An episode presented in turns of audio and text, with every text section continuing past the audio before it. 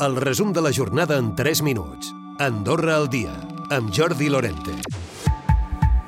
Serà el mateix creixement del país que limitarà la competència que l'acord d'associació pot portar als sectors econòmics i socials.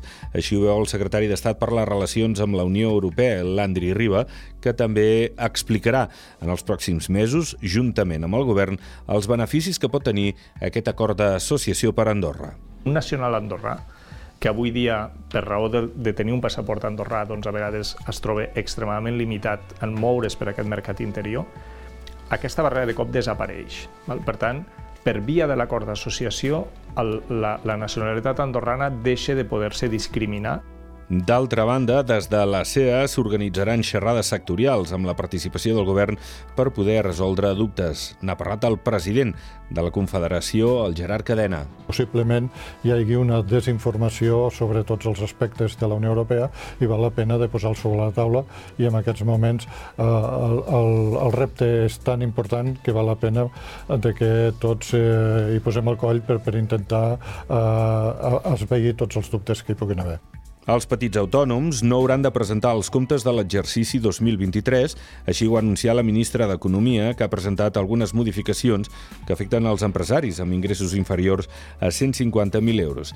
Escoltem Conxita Marsol. La pròrroga fins l'any 20, pels comptes del 24 a presentar el 25 és per tots els empresaris persona física i que facturin menys de 150 i per als que siguin, a part de persona física, que facturin menys de 150 i, a que, i que estiguin acollits al mètode de determinació objectiva, no s'haurà de depositar els comptes. D'altra banda, també s'ha referit a la qüestió de l'habitatge, ha dit que s'està treballant en el reglament que haurà de regular l'accés al parc públic. Els habitatges mm, del parc públic que estem començant a construir, que com sabeu es construiran, començarem les obres de molts d'ells a partir la setmana que ve, el 5 o 6 de febrer, i mm, ara el que és l'hotel, l'antic hotel nord àrtic, doncs ben aviat el tindrem, al mes d'abril, i per tant ja tenim de tindre el reglament a sobre la taula per com, a, com farem l'accés amb, aquests, amb aquests primers habitatges. El serial de les ambulàncies continua viu, tot fa pensar que el SAS haurà d'obrir un nou concurs públic per cobrir el servei del transport sanitari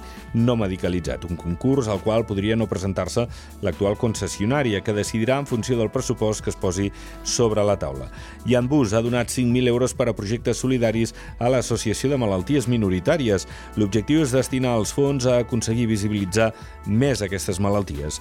Aquests diners provenen d'una iniciativa de l'empresa de transport que tindrà continuïtat amb altres associacions, com ara AUTEA.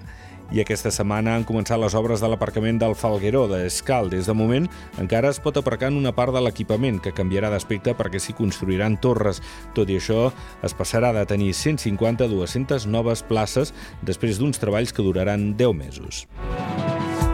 Recupera el resum de la jornada cada dia a AndorraDifusió.d i a les plataformes de podcast.